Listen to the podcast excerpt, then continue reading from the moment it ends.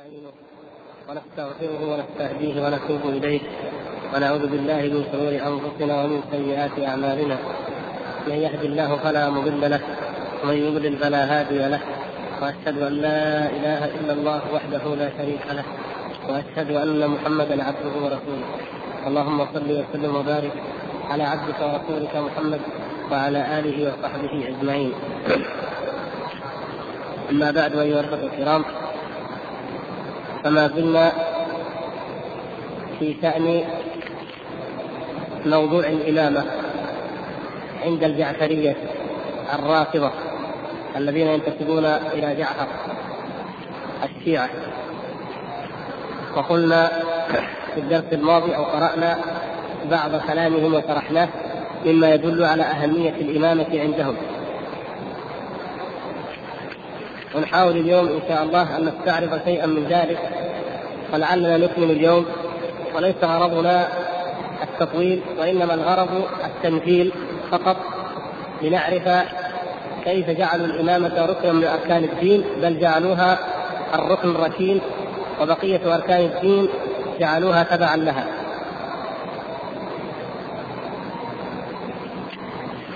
فعندنا مثلا نفس الكتاب. الذي هو أثر الإمامة في الفقه الجعفري.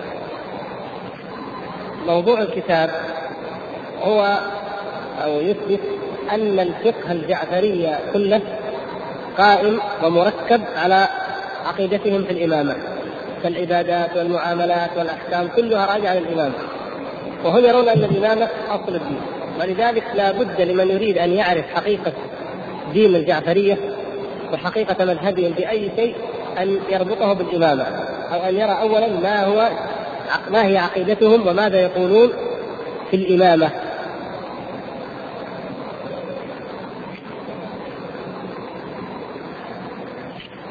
ومن ذلك مثلا ما يعتقدونه من عصمة الأئمة. وهذا قد سبق تحدثنا عنه وأن قرأنا لعل الأخ جاب الكتاب ولا ما جاء الأخ الكتاب. ذكرنا كيف يعتقدون أن الأئمة معصومين والآن نفصل من هنا.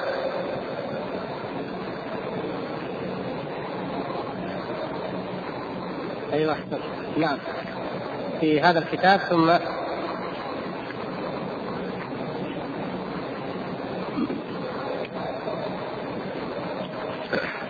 ذكر بعد ذلك آيات. أو شبهات في الإمامة ونحن ذكرنا بعضها في الدرس الماضي لا بأس أن نعيدها. اولا آية الولاية إنما وليكم الله ورسوله والذين آمنوا الذين يقيمون الصلاة ويؤتون الزكاة وهم راكعون. هذه والآية الأخرى التي يستدلون بها آية المباهله وهي التي ذكرها الله سبحانه وتعالى في شأن أهل الكتاب قل تعالوا ندعو أبناءنا وأبناء أنفسنا ثم نبتهل فنجعل لعنة الله على الكافرين. والآية الثالثة آية التطهير إنما يريد الله ليطهركم إنما يريد الله إنما يذهب عنكم الريح أهل البيت ويطهركم تطهيرا. نعم. والآية الثالثة هي كما ذكر أو الرابع. نعم. هذه تقريبا ذكر هذه الايات نعم. إني جاعلك للناس اماما نعم. هذه هي من أقوى ما استدلوا به وقد تحدثنا عنها في الأسبوع الماضي. ثم بعد ذلك يعني ينتقل إلى عصمة الأئمة وهي تتعلق بما سبق من الآيات في آية الإمامة. يقول ذكرت من قبل صفحة 73 يقول ذكرت من قبل ما ذهب إليه الشيعة من القول بعصمة الأئمة فلا يخطئون. عمدا ولا سهوا ولا نسيانا طول حياتهم. يعني في الحقيقة جعلوهم آلهة. هذا خارج عن فوق البشر. لا فرق في ذلك بين سن الطفولة وسن النضج العقلي ولا يختص هذا بمرحلة الإمامة. يعني الإمام منذ أن يولد معصوم ليس فقط منذ أن يتولى الإمامة. والعجب كما قلنا في رد هذا وإبطاله أن المعصوم الذي لا يخطئ قط لابد أن يحقق وأن يصل. ألا ترون أن الرجال أصحاب الرأي الصائب الذين لا يقول أحد إنهم معصومون ولا يقول لأنفسهم إنهم معصومون لكن آراؤهم صائبة نيرة. ألا ترون أنهم يصلون إلى ما يريدون من أعمال بهذا الرأي بهذا العقل بهذه الحكمة؟ فكيف الذي هو معصوم عن الخطأ منذ ولادته ولا يصل إلى شيء؟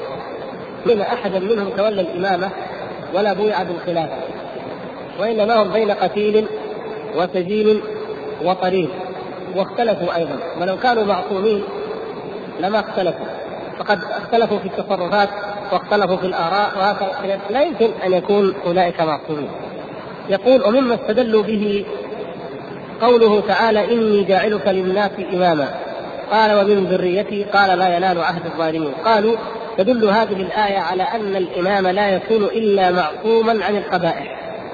لأن الله سبحانه نفى أن ينال عهده الذي هو الامامه ظالم أو أن ينال عهده ظالم كما هو. يعني فاعل مفعول ومن ليس بمعصوم فقد يكون ظالما إما لنفسه وإما لغيره.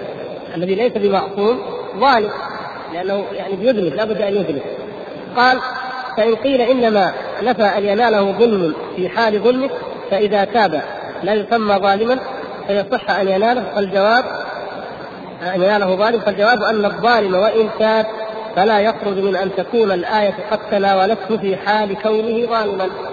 فإذا نفى أن يناله فقد حكم عليه بأنه لا يناله والآية مطلقة غير مقيدة بوقت دون وقت فيجب أن تكون محمولة على الأوقات كلها فلا ينالها الظالم وإن تاب فيما بعد. ذكر المراجع في هذا. ثم قالوا إن الله سبحانه وتعالى عصم اثنين فلم يسجدا لصنم قط. يقول الله تعالى اثنين يعتقدون. فلم يسجدا لصنم قط. وهما محمد بن عبد الله صلوات الله وسلامه عليه وعلي بن أبي طالب. فلأحدهما كانت الرسالة وللآخر كانت الإمامة. أي نعم.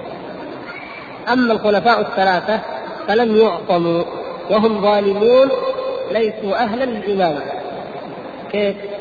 يعني ما دام أن الظالم من وقع منه الظلم من وقع منه وإن كان فإذا أبو بكر وعمر وعثمان على كلامهم قد عبدوا الأصنام قد يكون ذلك المقصود. فما دام قد وقع منهم ذلك مهما تابوا ومهما استقاموا ومهما آمنوا فهم غير معصومين. لانهم قد فعلوا ذلك اذا فلا تصح ولا تحق لهم الإمامة. أما علي رضي الله تعالى عنه فيقولون إنه كان مثل النبي صلى الله عليه وسلم لم يسجد لصنم قط لا لأنه كان صغيرا لا لأنه تربى في حفظ النبي صلى الله عليه وسلم لا لأنه معصوم عندهم فلهذا هو الذي يستحق أن يكون اماما. طبعا رد عليهم في ذلك يعني بردود ما في ان نكثر منها يعني لكن نأتي إلى الرد السادس صفحه 76 هو المهم. وإلا لا يخفى على أحد ما فيها من الباطل. يقول العصمة من الخطأ كبيره وصغيره عمدا وسهوا وعصيانا من المولد إلى الممات أمر يتنافى مع الطبيعة البشرية فلا يقبله العقل إلا بدليل قطعي من النقل. وهذه الآية على وجه الخصوص وهذه الآية الكريمة لا تثبته للأئمة عموما فضلا عن الأئمة الجعفرية على وجه الخصوص على أن دلالة القرآن الكريم تتنافى مع مثل هذه العصمة حتى بالنسبة لخير البشر جميعا الذين اصطفاهم الله تعالى للنبوة والرسالة. يعني يكفينا بالرد عليهم أن نعلم أن عصمة الإمام عن الخطأ والسهو والنسيان هذا أمر خارج عن طبيعة البشر. لماذا؟ إذا قارنا ونظرنا إلى حال الأنبياء صلوات الله وسلامه عليهم. فنحن نعلم من صريح القرآن أن الأنبياء صلوات الله وسلامه عليهم وقعوا في معاصي أو وقعوا في أخطاء. أليس كذلك؟ مثلا نأخذ أول الرسل بل أول الأنبياء أول الخلق آدم عليه السلام وقع ولا لا؟ نعم هذا سبق معنا في احد الإمامة وعصى آدم ربه فغوى ثم اجتباه ربه فتاب عليه وهدى. إذا عصى وغوى أكل من الشجره وقد نهاه الله. ما هو معصوم؟ وقع. لكن اجتباه الله وهداه وتاب عليه هذا أمر آخر بعد وقوع الخطأ. طيب أول الرسل نوح عليه السلام. ذكر الله تعالى عنه شيئا من ذلك؟ ما هو؟ أيوه نعم. لما أن أراد ودعا الله أن قال ربي إن ابني من أهلي وإن وعدك الحق. طيب فجعل ابنه من أهله لأن الله وعده بنجاة أهله. فابنك ليس بمؤمن يا نوح. أليس كذلك؟ إنه عمل غير صالح. فكيف فلا تسألني ما ليس لك به علم. فكيف تسألني أن أنجيه وهو ليس بمؤمن؟ ولهذا استغفر نوح عليه السلام ربه من ذلك. هذا نوح من أولي العزم. نجد بعد ذلك إبراهيم عليه السلام إبراهيم عليه السلام وقع منه شيء من ذلك أو قريب منه في ماذا؟ الكذبات الثلاث طيب موسى عليه السلام وقع أشياء كثير يعني أول شيء لما وكز وكزه موسى فقضى عليه أي قضى عليه يقول قبل الرساله يقول أنتم تقولون الإمام معصوم بالولاده هذا قبل الرساله المهم ولا بعد لا يفرق طيب كثير. موسى عليه السلام مثلا وضرنا وبعد ذلك موسى عليه السلام لأنه الألواح وألقى الألواح وأخذ برأس أخيه يجره سبحان الله الألواح ما هي الألواح يا إخوان؟ وكتبنا له في ألواح من كل شيء موعظة وتفصيلا لكل شيء. هذه كلام الله وحي الله أوحى إليه وكتبه له بيده. الله عز وجل كتب له التوراة بيده ومع ذلك ألقاها لما غضب لله طبعا غضب غضب لله. لكن هل ينبغي لك أن إذا غضبت لله أن تخطئ في التصرف في شيء من حق الله الآخر؟ لا تعرف أن تكون متوازن. لكن موسى عليه السلام من غضبه لله كيف يعبدون العلم؟ كيف أتركهم وأوكلك بهم؟ يا هارون أذهب إلى لقاء ربي لاتلقى الوحي. وأرجع بهم قد كفروا وعادوا عبادة العجل. هذا شيء لا يملك يعبدون العجل من دون الله. ولكن أضلهم السامري فألقى الألواح غضبا لله. وأخذ برأس أخيه ولحيته يجره. يجعل اللوم ويريد أن يجعل متنفسه بهارون عليه السلام. وهو لا ذنب له في ذلك. لكن المهم وقع. وهكذا يونس عليه السلام ذهب مغاضبا أبق إلى الفلك المشحون. سبحان الله. يقع من الرسل. يقع منهم أشياء. الرسول صلى الله عليه وسلم. وهذا مثال واضح. لا شك أنه أفضل الرسل وأنه خاتمهم. وأنه لو كان أحد معصوم معصوما من الخطأ والسهو والنسيان لكان رسول الله صلى الله عليه وسلم. طيب. غير ذلك ألم يرسل النبي صلى الله عليه وسلم سبعين من القراء ليدعوا إلى الله في القبائل. وماذا حدث لهم؟ قتلوا جميعا. المعصوم إن كان الله تعالى هو الذي عصمه يعني يعصم أفعاله فظاهر هذا الأمر أنه أرسل قومه أو أرسل خير من خيار قومه فقتلوا. والنبي صلى الله عليه وسلم تكبر وتعلم لذلك قطعا. وإن كان من عند نفسه هو فقط يعني فعل ذلك فان فعله وهو يدري ان أن هذا هو سيكون مصيرهم هذا لا يقوله عاقل وإن كان لا يدري ذلك ولا يتوقعه فإن تصرفاته غير معصومة. ليست معصومة ولو كان معصوم ما وقع منه مثل هذا وإنما هو بشر. يجتهد وقد يصيب وقد يخطئ ولله حكم في خطئه كما له حكم في صوابه. هؤلاء نالوا الشهادة واتخذهم الله تعالى شهداء وكانوا كنزا في حماة المؤمنين. آخرين للانتقام من أهل الشرك وغير ذلك من الحكم ومن المصالح. وهكذا أمور كثيرة في سيرة النبي صلى الله عليه وسلم. تدل على أنه لم يكن معصوما عن السهو والخطأ والنسيان منذ ولد إلى أن يموت. فكيف يكون ذلك لأحد من الخلق من بعده صلوات الله وسلامه عليه. وإنما عصمه ربه سبحانه وتعالى في أمر الأمر الذي نجزم ونقطع بعصمته فيه هو ماذا؟ في البلاغ. ما يتعلق في البلاغ. فإنه لا يبلغ عن الله عز وجل إلا الحق لا يخطئ فيه ولا ينسى شيئا منه إلا أن يريد الله عز وجل أن يوفيه أو أن ينسخ ما قد انزل فقط. أما غير ذلك يقع الخطأ. الحديث المشهور الصحيح لما مر بهم وهم يؤجرون يلقحون النخل. قال اظنكم أظنكم لو تركتموه لاطلق فلما تركوه سير. عملوا برأيه صلوات الله وسلامه عليه.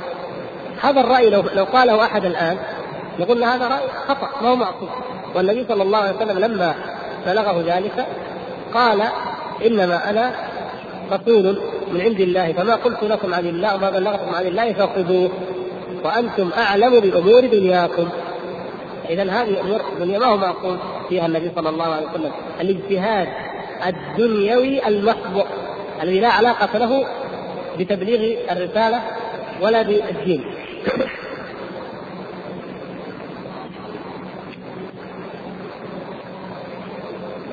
بعدين يأتي بأدلة كثيرة يعني نحن ما نحب الإطالة فيها لأن الموضوع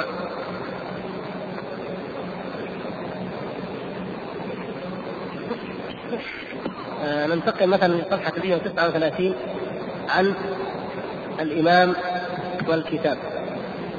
يقول عنوان القرآن الصامت والقرآن الناطق. يقول ذكرنا من قبل قول الجعفرية بأن الإمام كالنبي في عصمته وصفاته وعلمه.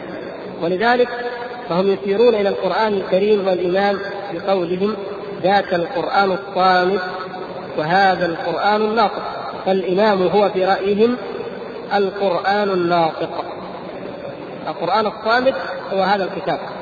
وأما القرآن الناطق عندهم فهو الإمام ودوره بالنسبة للقرآن الصامت كدور النبي صلى الله عليه وسلم سواء بسواء.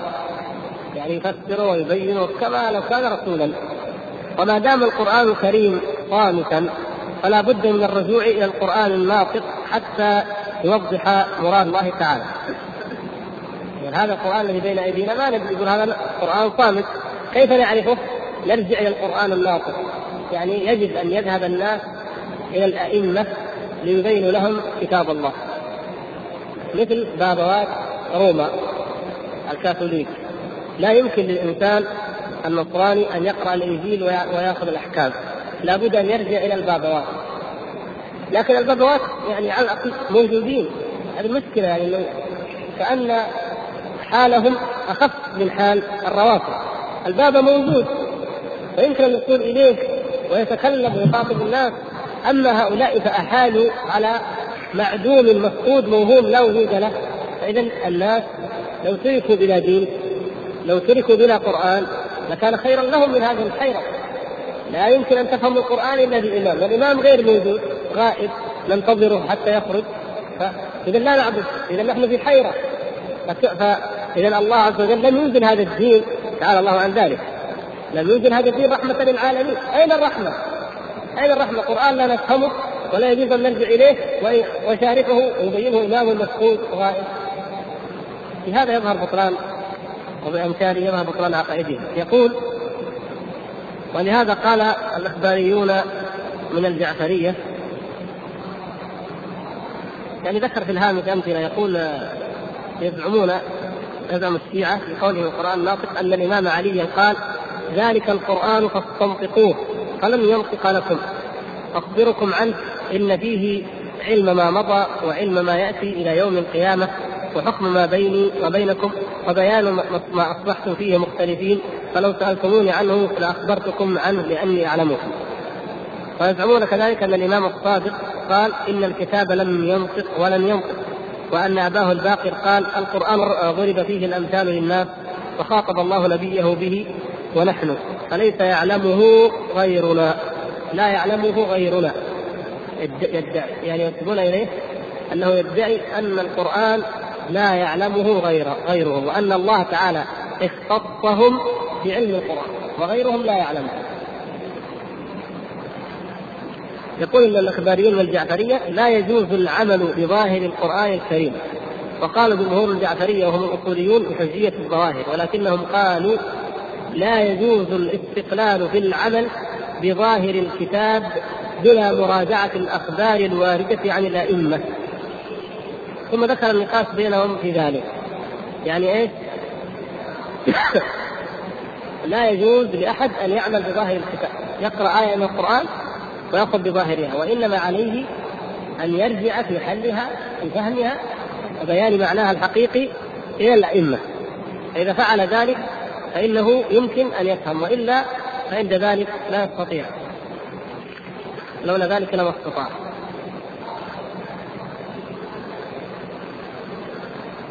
بعدين آه، يقول في فصل الظاهر والباطن صفحة 148 يقول ذكرنا آنفا وقت الإخباريين من ظاهر القرآن الكريم ورد جمهور الجعفرية عليهم فهم يرون حجية الظهور.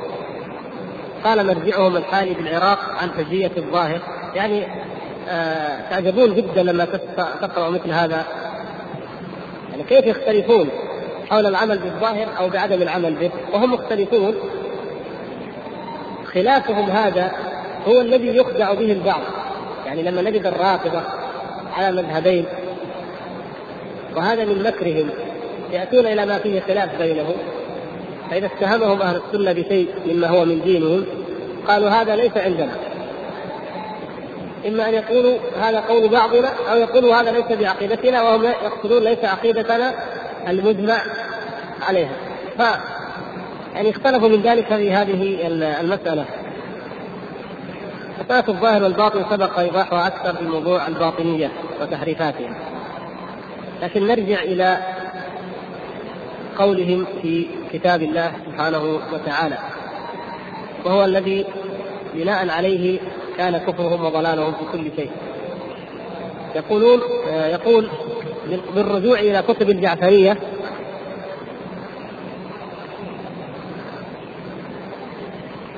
طيب هو 153 بالرجوع إلى كتب الجعفرية نجد جدلا حول التحريف بين معتدليهم وغلاتهم. ونتعرض لهذا الأمر بإيجاز قدر المستطاع قبل الحديث عن كتبهم بشيء من التفصيل.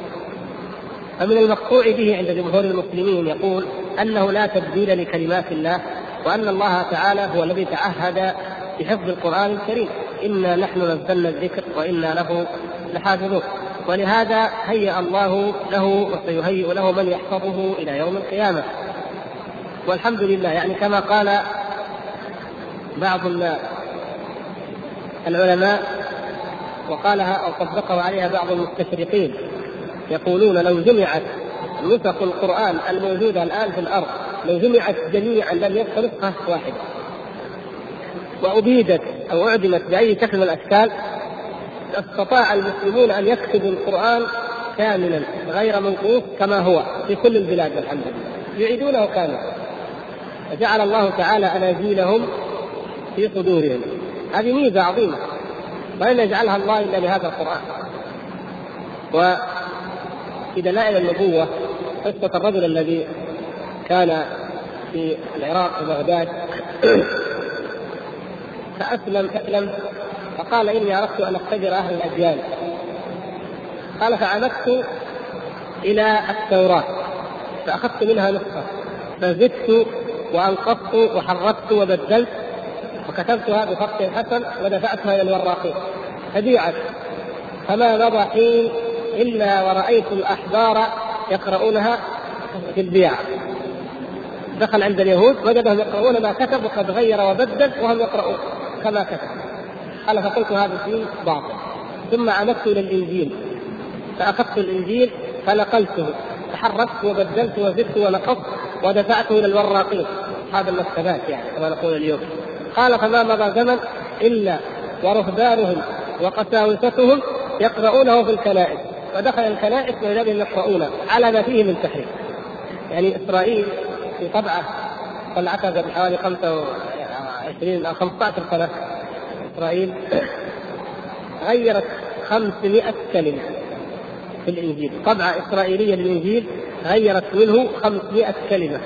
التي تتعرض لليهود أو تذمهم أو كذا كلها غيروا وطبع ويوزع يأتون من أمريكا ويفتحون مطاعم معاهد مدارس مطارات لتنصير المسلمين وغيرهم. والذي يدخل في هذا الدين أو يشجعون يدخل في هذا الدين يعطونه الإنجيل الذي طبع في إسرائيل. ولا يقرؤون ولا يدرون كم زادوا وكم نقصوا. انظروا لأنهم كما قال الله تعالى بما استحفظوا من كتاب الله. استحفظوا هم أما القرآن فلم يستحفظنا الله لم يستحفظ الله البشر بل قال إنا نحن نزلنا ذكر وإنا له لحافظون. فالحافظ له الله وليس البشر قال فجئت إلى القرآن فكتبته وزدت ونقصت ثم ذل والراقي.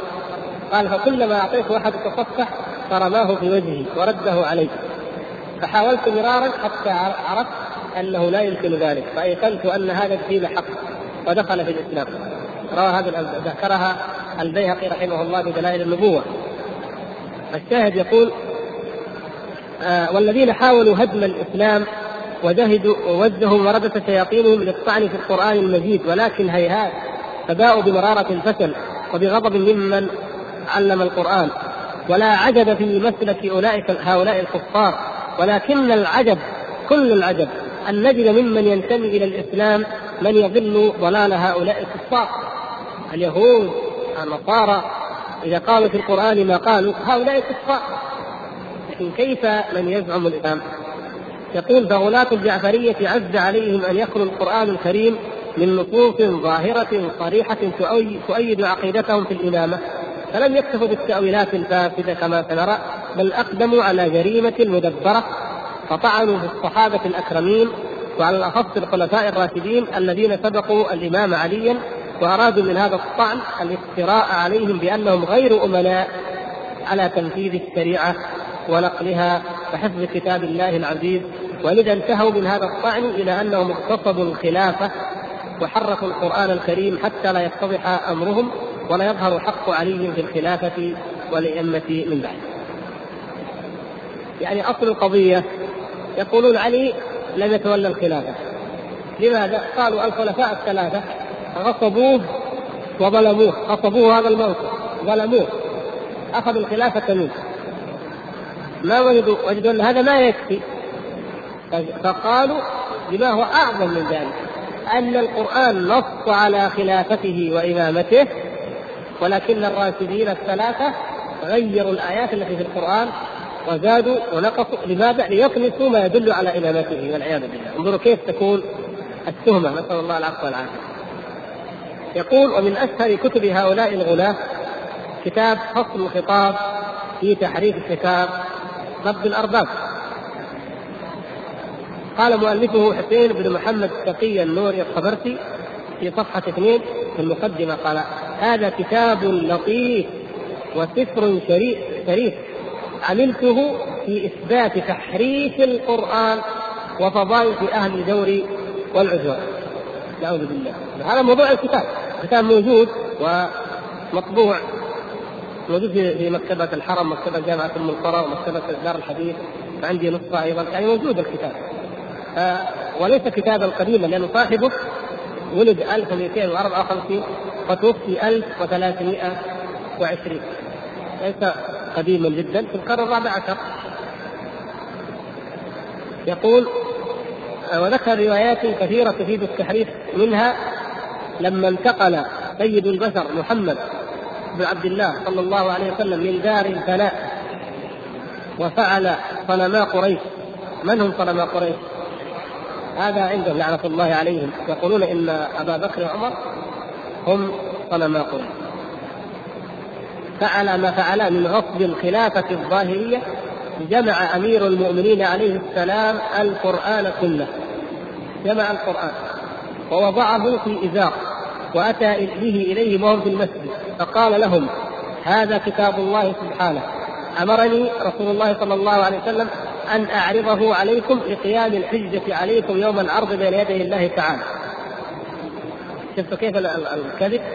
أخذ في إزار وأعطاهم إياه يبرر ذمته يعني هذا قرآن كلام الله. يقول فقال فرعون هذه الأمة ونمرودها. نعوذ بالله. يعنون أبا بكر وعمر فرعون والنمرود. قالوا لسنا محتاجين إلى قرآنك. نعوذ بالله. شفتوا كيف؟ فنادى ابن أبي قحافه بالمسلمين وقال لهم كل من عنده قران من آية أو سورة فليأتي بها. تقول فجاء أبو عبيدة وعثمان وسعد ومعاوية وطلحة وأبو سعيد وحسان وجماعات المسلمين وجمعوا هذا القرآن وأسقطوا أسقطوا حذفوا يعني ما كان فيه من المثالب التي صدرت عنهم بعد وفاة سيد المرسلين صلى الله عليه وسلم. فلذا ترى الآيات غير مرتبطة. أخي على طريق الحق هنا منتصف الشريف. القرآن الذي جمعه في الإزار محفوظ فين محفوظ؟ قال محفوظ عند صاحب الأمر عجل الله فرجه. عند صاحب الأمر عند القائم المهدي المنتظر في استرداد عجل الله فرجه. ما هو موجود أصلا؟ ما هو؟ فنحن لا, لا نعبد لا ما عندنا قرآن. المسلمون على ضلال حتى يخرج. طيب سبحان الله. يعني انظروا لو كان لهم عقول. أهذا دين رب العالمين عز وجل؟ يعني التوراة الإنجيل طيب نقول حرفت أو لكن ما يعني على الأقل موجود شيء الموجود يقول أهله هذا هو الموجود. أما أنتم تقولوا الحق مفقود كليا يعني هم أنفسهم يقولون أن القرآن الحق مفقود. اليهود لو سألت اليهود يقول لك ما في التوراة هذا هو الحق وأنا أعبد الله به. صحيح أنها محرفة عندنا لكن بالنسبة لعقله يتعبد بشيء ممسوح ما يتمسك به. والنصراني يتمسك بالانجيل وإن كان محرف يتعبد الله به. لكن هؤلاء لا عقول لهم يتعبدون بشيء غير موجود. أصلا. فيقولون القرآن الحقيقي غير موجود. طيب وأين هو؟ الله عز وجل أنزل القرآن فقط. والرسول صلى الله عليه وسلم حي. فلما مات نفخ وبدل فعلي لفه بالإزار وتركه إلى عام 261 ليذهب في السرداب. سبحان الله. اذا هذه من حكمة الله وهذا من رحمة الله بالعالمين. هل هذا يليق بالله عز وجل؟ ويليق بالصحابة؟ أين جهد هذا النبي صلى الله عليه وسلم؟ أين جهده؟ أين تزكيته لهم؟ هل زكاهم؟ هل رباهم؟ إذا كان بعد موته يخونوه في أعظم شيء يخونونه في أعظم شيء وهو القرآن ويتآمرون عليه هؤلاء عصابة لهم صحابة؟ سبحان الله. كيف يمكن انظروا هذه العقول؟ طيب وهم يقولون يقولون نحن الآن نتعبد بهذا القرآن ونقراه، لماذا؟ لأن ذاك مفقود، فإذا جاء تركنا هذا، يعني افرضوا لو فرض أن إنسانا منهم كان صادقا يعتقد هذا يعني غير الزنادقة الكبار الذين خربوا عليه، لكن يتعبد بهذا القرآن أشد العبادة في كل أمر يقف عند كل حد من حدوده وعند كل نهي. خاشع ممتثل لكن مبيت مبيت في نيته أنه إذا جاء القرآن الحق من السرداب تركت هذا. ايكون مؤمنا؟ هنا الاشكال يعني تجدون ان اليهود الذين وضعوا هذا الدين خربوا عليهم هم دينهم. وليس فقط على المسلمين يا أخوان. ليس فقط على المسلمين. إنما خربوا حتى على الشيعة دينهم. لماذا؟ معروف عندكم لو قال أحد أصلي عياذا بالله إلى أن يبلغ عمري 60 سنة ثم أترك الصلاة. يكون حكمه إيه؟ كافر الآن. يكون حكمه كافر الآن. هو لما يبلغ الستين لأن ما دام ناوي يكفر يكفر من الان إذا قال أؤمن برسالة محمد صلى الله عليه وسلم إلى عام كذا ثم عياذا بالله أنكرها. يكفر من الان لأنه ناوي مبيت الكفر فهذا يعبدون. يحجون ويصومون ويبكون إذا قرأوا القرآن. يعني منهم عباد يبكون إذا قرأوا القرآن. لكن مبيت في نفسه أنه سيكفر به يوما ما إذا خرج القرآن الحقيقي بزعمه اذا هذا كافر من الآن. انظروا كيف أفسدوا عليهم دينهم. نعوذ بالله. أئمة الضلال.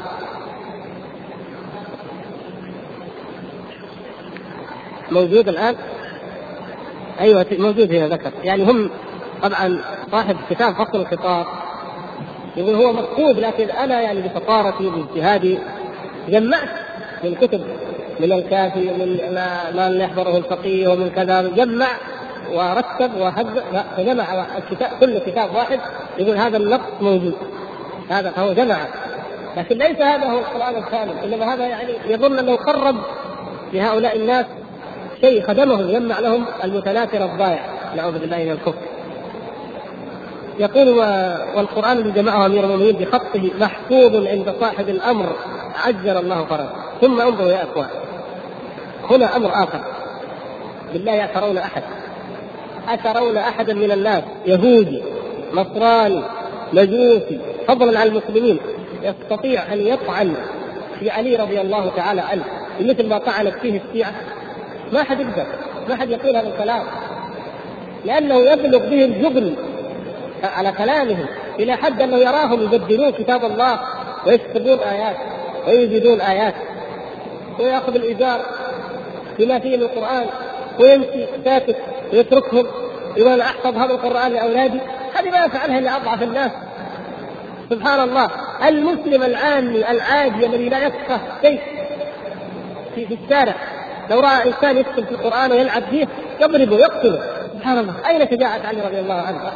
انظروا يعني على كلام الشيعة اتهموه جعلوه اجبن الناس وأكثر الناس نفاقا ويكون وزيرا عندهما عند فرعون والنمرود وتبلغ به الأيام حتى يزوج النمرود بنته. يعني زوج عمر رضي الله بنته.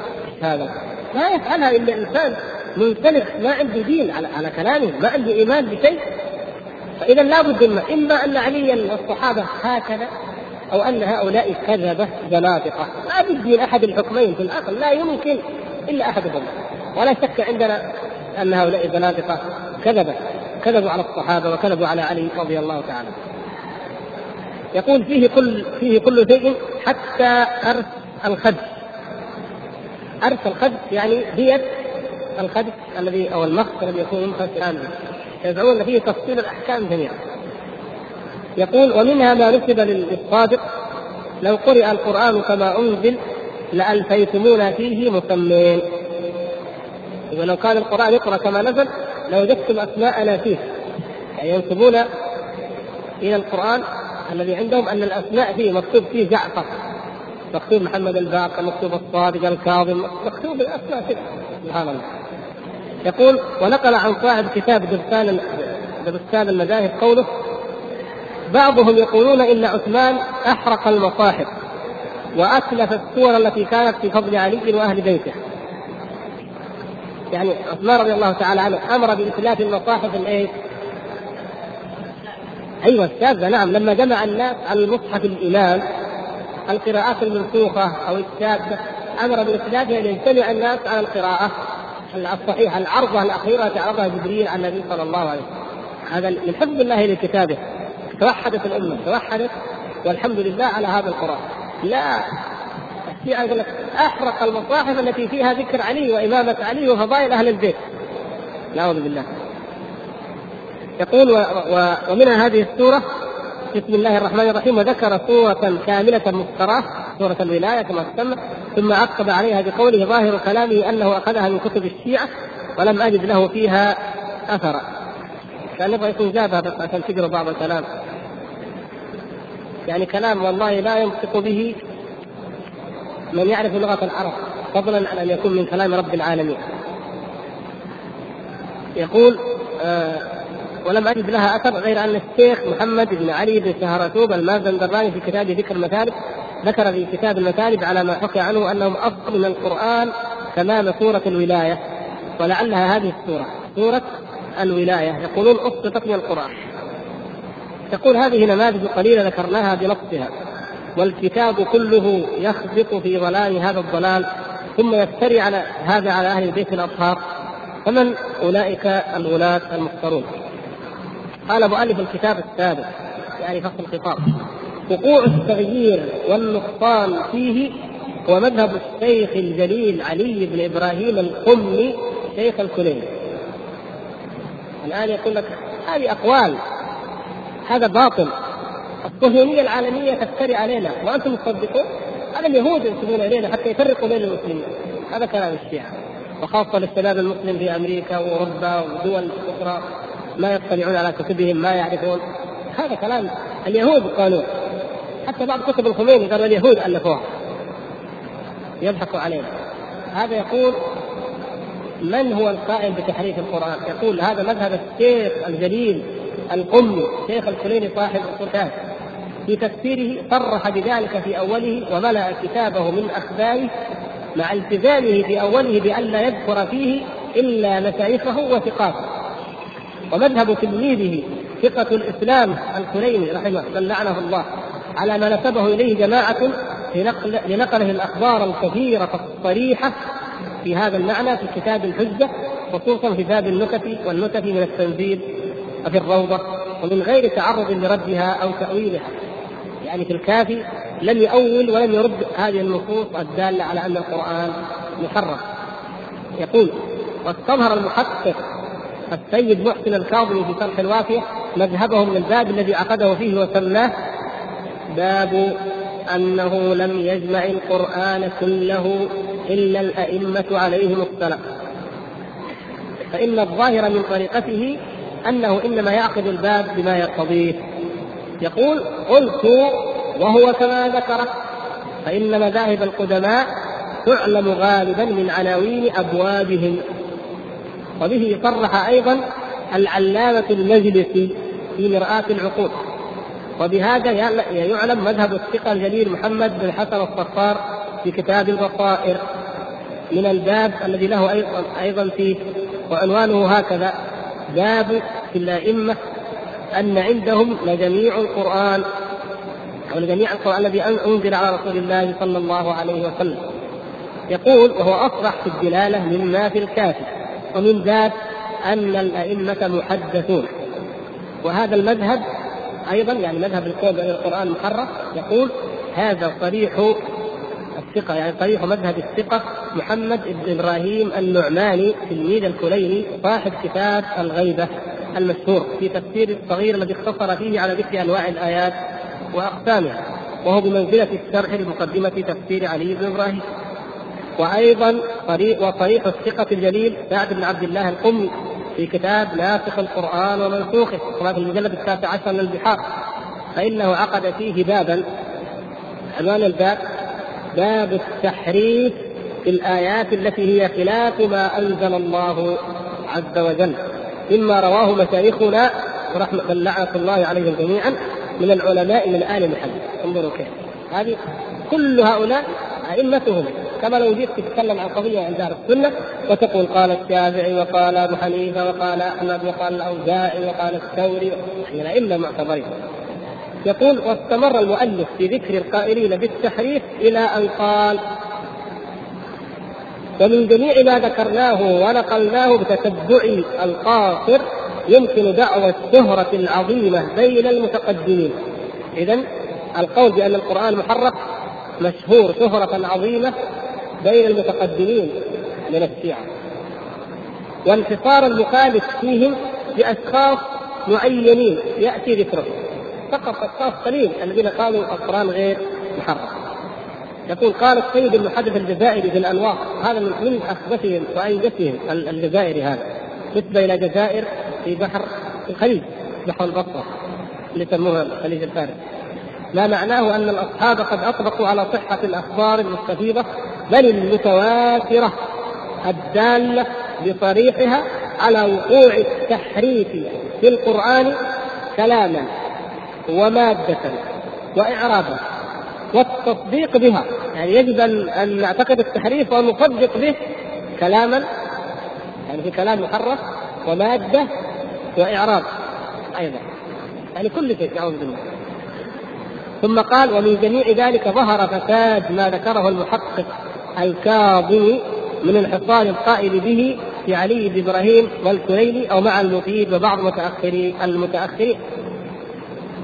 إلى أن يقول ثم اتهم الصحابة خير أمة أخرجت للناس بالكفر والعناد والجبروت والغباء ليصل إلى أنهم ليسوا أهلا لجمعه كما أنزل.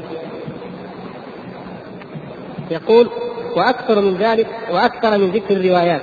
ذكر روايات مثلا. رواية الكليني عن الإمام الصادق يقول إن القرآن الذي جاء به جبريل عليه السلام إلى محمد صلى الله عليه وسلم كم؟ كم آية؟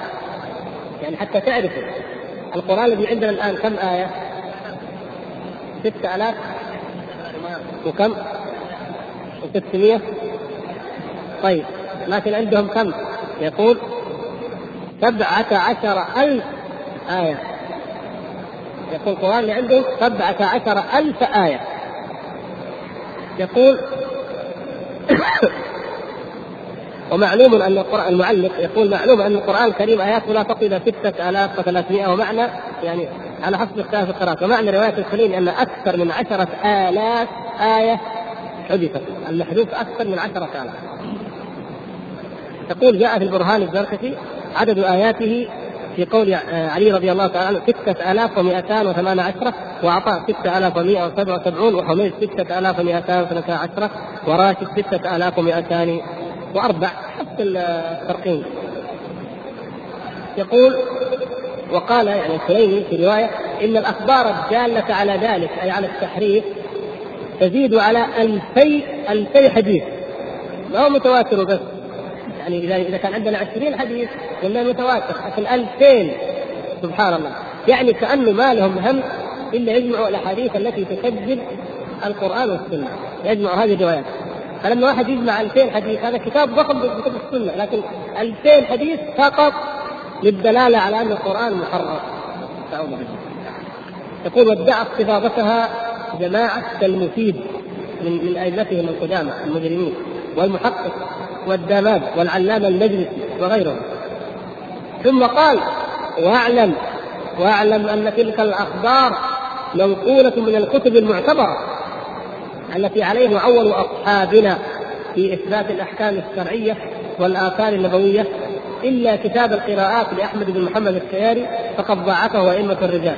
فالواجب علينا ذكر بعض القرائن الدالة على جواز الاستناد إلى هذا الكتاب. يقول وقال أحد مفسري الجعفرية وهو محمد بن مرتضى المدعو بمحسن يقول أما اعتقاد مشايخنا لا رحمهم الله دائما فرحا نعوذ بالله على هذا والكفره فالظاهر من ثقة الإسلام محمد بن يعقوب السليمي ولا قاد ثراه أنه كان يعتقد التحريف والنقصان في القرآن لأنه روى روايات بهذا المعنى في كتابه الكافي ولم يتعرض لقدح فيها مع أنه ذكر في أول الكتاب أنه كان يثق بما رواه فيه. يعني الكليني يقول هذا عنده كل ما في الكافي صحيح هذا معانيه أئمة الروافض وعامتهم. كل ما في الكافي عندهم صحيح فهو كالبخاري مثل صحيح البخاري عند المسلمين. نعم. يقول مع انه ذكر وكذلك أستاذ علي بن إبراهيم القمي فإن تفسيره مملوء منه وله علو فيه. وكذلك الشيخ أحمد بن أبي طالب الطبرسي فإنه أيضا نسج على منوالهما في كتاب الاحتجاج. يقول قال أحد كتابهم المعاصرين في مقدمته آه، كتبها لتفسير القمي هذا التفسير كغيره من التفاسير القديمة تشتمل على روايات مفادها أن المصحف الذي بين أيدينا لم يسلم من التحريف والتغيير وجوابه إيش الجواب؟ يعني واحد معاصر وما ذكر اسمه هنا يعني بيجاوب على إيش؟ على ما يقال إن تفسير القمي فيه يدل ما يدل على أن القرآن محرف يقول وجوابه أنه لم ينفرد المصنف بذكرها بل وافقه فيه غيره من المحدثين المتقدمين والمتأخرين عامة وخاصة. يعني يقول ليش ليش تنكروا على الشيخ لما يقول القران محرف؟ هذا مذهب الجمهور المتقدمين والمتأخرين هذا عقيدتهم هذا دينهم. آه. ثم ذكر القائلين بالتحريف فقال بأنهم الكليني والبرقي والعياتي والنعماني وفرات بن إبراهيم وأحمد بن أبي طالب الطبرسي صاحب الاحتجاج والمجلسي والسيد الجزائري والحر العاملي والعلامة الفسوني والسيد البحراني. يقول وقد تمسكوا في إثبات مذهبهم بالآيات والروايات التي لا يمكن الإغماض عنها. وبعدين المعاصرين دائما يحاولوا يعني متأثرين بالأفكار الحديثة وبعض يستحوا أحيانا كذا يعني شوية كيف نقول محرف؟ لازم ندافع. فأخذ يدافع. يقول والذي يهون الخط يعني الخط هين ما هي مشكله إيش؟ أن التحريف اللازم على قولهم يسير جدا مخصوص بآيات الولاية. فهو غير مغير للأحكام ولا للمفهوم الجامعي الذي هو روح القرآن.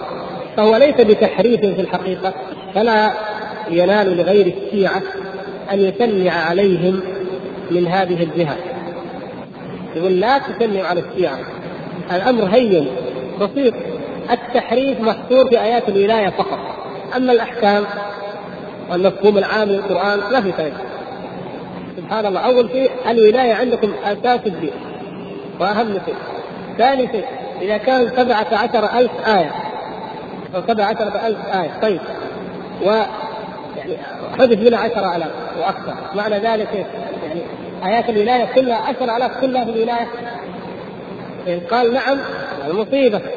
إذا حدثوا الدين كله الأساس عشرة آلاف وتركوا ستة آلاف في الأحكام والأمور التي هي ثانوية فرعية بالنسبة للإمامة وإن قال في الإمامة وفي غيرها قلنا إذا فلا قصد لأنك تقول المحذوف خاص بالولاية. فالعشر آلاف في إيش؟ بعدين في حاجة. افرض انه واحد زي ما قال المجرم نسأل الله أن يهلكه كما أهلك من قبله الذي يقول يحذف قل من القران قل هو الله أحد. بس قل يحذف كلمة قل ما حكمه؟ هذا كافر مرتد حلال الدم والماء فقط كلمة قل. هذا يقول لك بسيطة يعني بس سورة الولاية آيات الولاية. سبحان الله.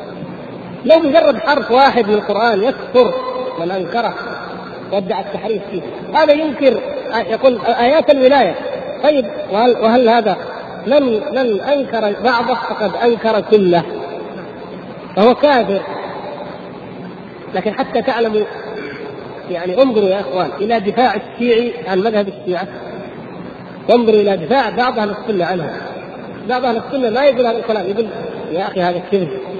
أنتم ما الله يهديكم. مرة تجيبوا كلام ما ما يقولوا فيدافع ينفي والشيعي دفاعه بهذا الشكل إنه يعني الخط هين لأنه التحريف خاص بآيات الولاية. طيب يعترف بوقوعه. العامه والمثقفين ثقافة أمريكية. لا لا الكلام الأخير كلام آه، مقدمة آه، الذي يعني أحد الشيعة المعاصرين الذي حقق تفسير القمي وكتب له مقدمة. ليس كلام المؤلف هذا. لا. المؤلف هذا يقول هذه حركة من حركات التشجيع عفوا آه، التفكيك والتضليل قام بها غلاة الجعفرية. وسنعود للحديث عن بعض هؤلاء الغلاة عند تناولنا لكتبهم. اسمعوا الآن كلام السنة أو من يدعي السنة. يقول ولكن المهم هنا أن المعتدلين من إخواننا الجعفرية. هذا كلام المؤلف. الحين إحنا لماذا أخذنا كلامه؟ لأنه هو يعني يقول هذا خاص يعني يعتبر نفسه معتدل ويعتبر الجعفرية إخوانه. مثل ما قال الشيخ الغزالي الأخ العزيز سنودة. يعني يجب يجب المنشور الذي أراد به سنودة أن يهدم مصر كلها خطط لأن تكون مصر دولة قبطيه وكيف نبيد المسلمين؟ وكيف نقضي عليهم؟ وكيف نبني الكنائس وكيف؟ ويقول ولولا يقول يعني لولا أنني رأيت تطبيق ذلك عمليا ما صدقت أن الأخ العزيز سنوده يقول هذا الكلام. لكن لما رأى أنه يطبق فعلا انظروا كيف ماذا يقول عنهم؟ الله المستعان. وكيف هم يقولون عنه؟ يقول اخوانه الجعفرية قد تصدوا لهذه الحركة قديما وحديثا. ثم ذكر يعني بعض كتبهم هو طبعا يخفى عليه آه قوله. يقول مثلا ينقل عن كتاب المرتضى. يقول آه القرآن معجزة النبوة ومأخذ العلوم الشرعية والأحكام الدينية وعلماء المسلمين قد بلغوا في حفظه وحمايته الغاية حتى عرفوا كل شيء اختلف فيه من إعرابه وقراءته وحروفه وآياته فكيف يجوز أن يكون مغيرا أو منقوصا مع العناية الصادقة والضبط الشديد؟ إلى طبعا بعض بعض بعض أئمة الشيعة استخدموا التقية في هذا الباب.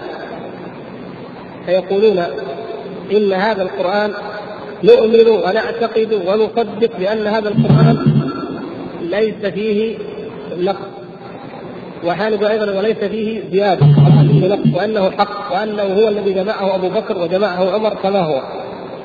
إيش يقصدون بهذا الكلام؟ يعني هم يقولون هذا فنقول اذا مثلنا؟ لا. يقولون هذا القرآن هذا الكتاب الموجود عند المسلمين هذا الذي عندكم هذا ما في نقص ولا في زيادة هو في ذاته. لكن المصحف الكامل هناك. نعم. شفت كيف؟ فهذا هو الذي جمعه أبو بكر. صحيح. لكن ليس هو الذي أنزله الله بنصه يعني فهم يؤولون قبحهم الله. وبعضهم يعني لا يستبعد أن يكون فيهم من ينكر ذلك. على أي حال لا نقول إنهم كلهم خاصة في القرون الوسطى منهم لأن بعضهم تأثر بالسنة وكذا. لكن التقية هي دينه وما عليه أكثرهم. إلى أن يقول وقال الشيخ الطوسي أما الكلام في زيادته ونقصانه فمما لا يليق به أيضا. هذا كلام المعتدلين لأن الزيادة فيه مجمع على بطلانها الزيادة فيه في هذا والنقصان منه فالظاهر أيضا هو من مذهب فالظاهر أيضا من مذهب المسلمين خلافه وهو الأليق بالصحيح من مذهبنا وهو الذي نصره المرتضى وهو الظاهر في الروايات غير أنه رويت روايات كثيرة من جهة الخاصة والعامة ونقصان كثير من آية القرآن ونقل شيء منه من موضع إلى موضع طريقها الآحاد لا التي لا توجب علما ولا عملا والأولى الأولى الإعراض عنها وترك التشاغل بها لأنه يمكن تأويلها. انظروا كيف هذا الذي هؤلاء المعتدلين هذا المعتدل يقول الأليق والظاهر واللي عليها الغالب إنه ما في تحديد ما في زيادة ولا في نقصان ما يقول هذه عقيدة ومن شك يعني نحن أهل السنة نحن المسلمين نعتقد إن من شك مجرد الشك كفر. هم يقول لك لا هذا مذهب راجح هذا الصحيح هذا الراجح. يعني مثل ما تقول هل مثلا الإنسان يعني عندما يهوي إلى السجود يبدأ يضع يديه قبل ركبتيه يعني يعني راجح ومرجوح بس مسألة فرعية عادية ما تمس عندهم أصل الدين والعقيدة عياذا بالله. ثم يقول غير أنه رويت روايات كثيرة من جهة الخاصه والعامة بنقصان كثير من القرآن ونقل شيء منه من موضع إلى موضع. ويقول طريقها الأحاد. كما يقول الذين يطعنون في السنة هذه أخبار أحاد ما تأثر هذه أخبار أحاد. لا توجب علما ولا عملا والأولى الأولى. الإعراض عنها. احسن لك احسن لك تعرض عنها. اتركها.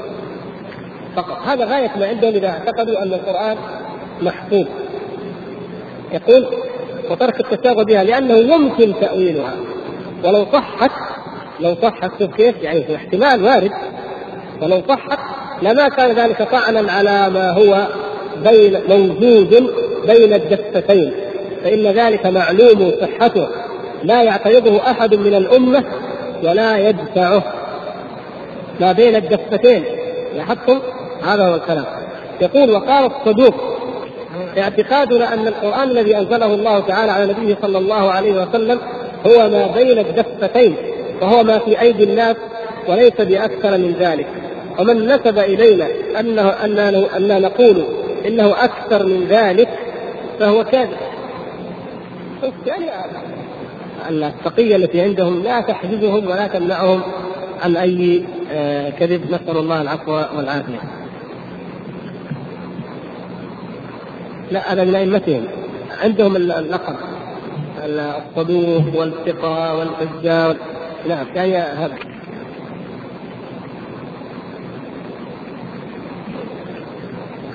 بعدين ينتقل للمعاصرين يأتي برأي محمد حسين كاشف الغطاء.